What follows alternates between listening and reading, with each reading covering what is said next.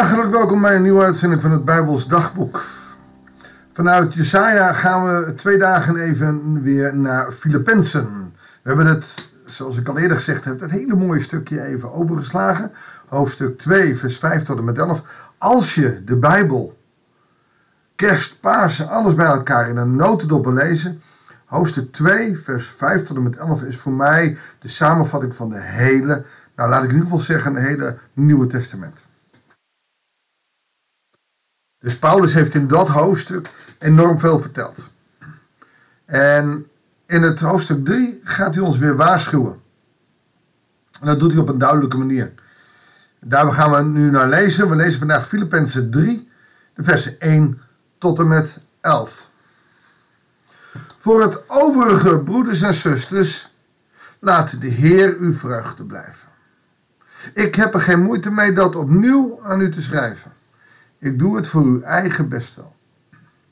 Wat hij hiermee bedoelt is, dwars door alles wat er gebeurt, laat de Heer uw vreugde blijven. Het klinkt zo makkelijk. En het is ook makkelijker gezegd dan gedaan. En toch kom ik telkens weer in mijn werk mensen tegen die um, in, in, in, in, in, in de moeite zitten, in het verdriet zitten. En dan zeggen, als de Heer er niet was geweest, als ik mijn geloof niet had gehad, dan had ik het niet ge, dan was het niet gelukt. Dat is wat laat de Heer uw vreugde blijven. Ondanks alles. God is je perspectief. En als je dat perspectief niet meer hebt, dan heb je niks. Sprak onlangs nog een man die zijn vrouw drie jaar geleden is overleden de eerste tijd gaf het een stukje rust, want hij had heel veel jaren zijn vrouw verzorgd en, en ze kon niks meer. Hij had zijn hobby en dan ging het door. En nu, drie jaar later, is er een enorme, ja, enorm gat. Waar anderen al meteen het hebben, heeft hij dat nu pas. De eenzaamheid slaat hem om zijn oren. Hij zegt, het enige wat ik nog heb, is mijn geloof. Want als ik dat niet meer had gehad, dan heb ik geen perspectief meer. Want ik blijf alleen, ik ben alleen. Hij is in de 70. Bizar. Gelukkig heb ik mijn geloof nog, zegt hij. En dat is wat Paulus hier zegt. Laat de Heer uw vreugde blijven. Of laat, die vreugde kan je ook uh, vertalen als perspectief. Laat de Heer uw perspectief blijven. En hij is er voor ons gelukt. Dus hij geeft ons vreugde. Dat betekent niet blijdschap zo elke dag een mop. Nee, maar het is perspectief in je leven. En dan vers 2. Pas op voor de honden met hun kwalijke praktijken. Pas op voor die versnijdenisvalsen. Dat is een heel cruciaal uh, vers, want Paulus wordt hier opeens boos. Er zijn dwaalleraren die broeders en zusters op het verkeerde pad willen zetten. En dat kennen we natuurlijk ook nog van deze tijd. Maar Paulus zet hier heel veel druk achter. En een klein beetje weten we doordat hier het woord honden staat. Daarmee bedoelt hij mensen. Joden zelfs.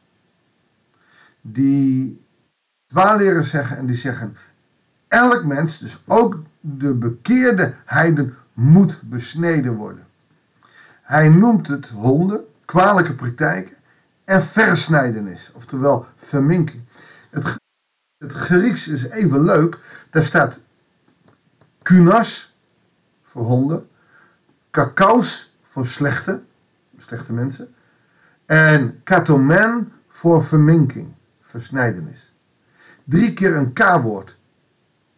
Kunas, kakaos en katomen. En dat is nou helemaal niet het K-woord zoals wij dat zeggen, maar er ligt heel veel kracht in om die drie woorden. Uh, het is een alliteratie herhaling van de K-klank. Kunas, kakus, katatomen. Slechte mensen die je willen verminken. Paulus is hier eigenlijk wit heet. Dat staat je vreugde in de weg. Je hoeft niet verminkt te worden.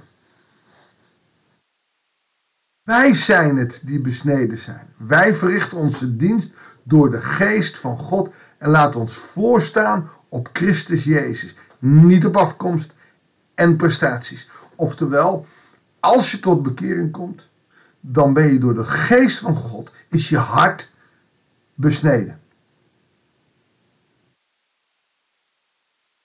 Je afkomst, of je nou Jood bent, maakt niet uit.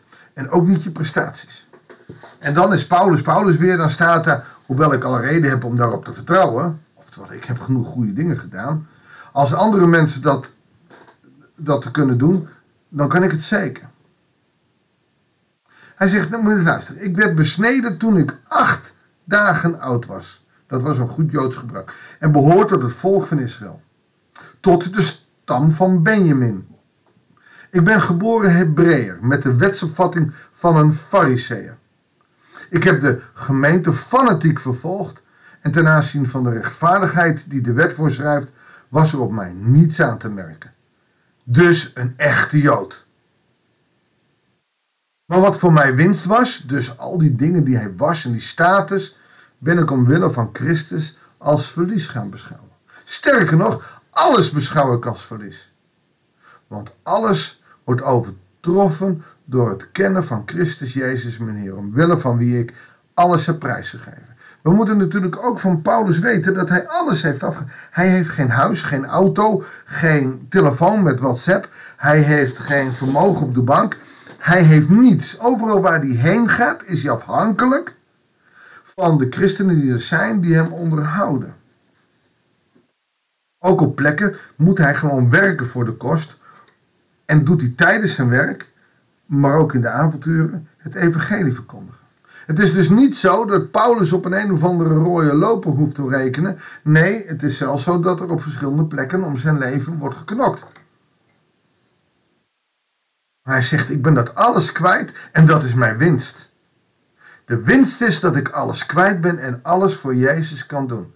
Daarmee zegt hij ook, hoe meer je richt op je wereldse dingen als een huis, een auto, je geld en hoe meer je daarop richt, hoe minder je met Christus bezig kunt zijn en je dat van Christus afhoudt. Weet je, ook dat is makkelijk gezegd en gedaan, want tegenwoordig zijn er heel veel mensen die moeilijk hebben. Weet je, christenen hebben ook een flexibel contract, we kunnen nauwelijks rondkomen in verband met alleen al de gasprijzen, de verduring van de uh, benzineprijzen en uh, de boodschappen. En zeggen toch, hoe meer je op de Heer richt, hoe minder dat een issue wordt. En dat is dan wel weer zo. Maar je hebt wel gewoon je geld nodig om rond te kunnen komen. Alles heeft hij prijsgegeven. In mijn ogen is het waardeloze troep. Want ik wil Christus winnen en één met hem zijn. Nou, voor ons is het heel moeilijk om alles op te geven. Dat is ook zo. Maar wat je wel mee kan nemen, en ik denk dat Paulus dat hier ook bedoelt, want hij gaat niet zeggen, je moet allemaal net worden als ik. Ja, dat zegt hij wel, hè, ongetrouwd. En, maar je moet er geen waarde aan hechten. Een mooi huis, prima. Maar dat is niet iets van waarde waar je op kan pochen. Een mooie auto, leuk dat je een mooie, veilige auto hebt. Maar het maakt je niet meer.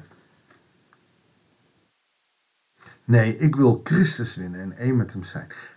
Hij zit ook in gevangenschap.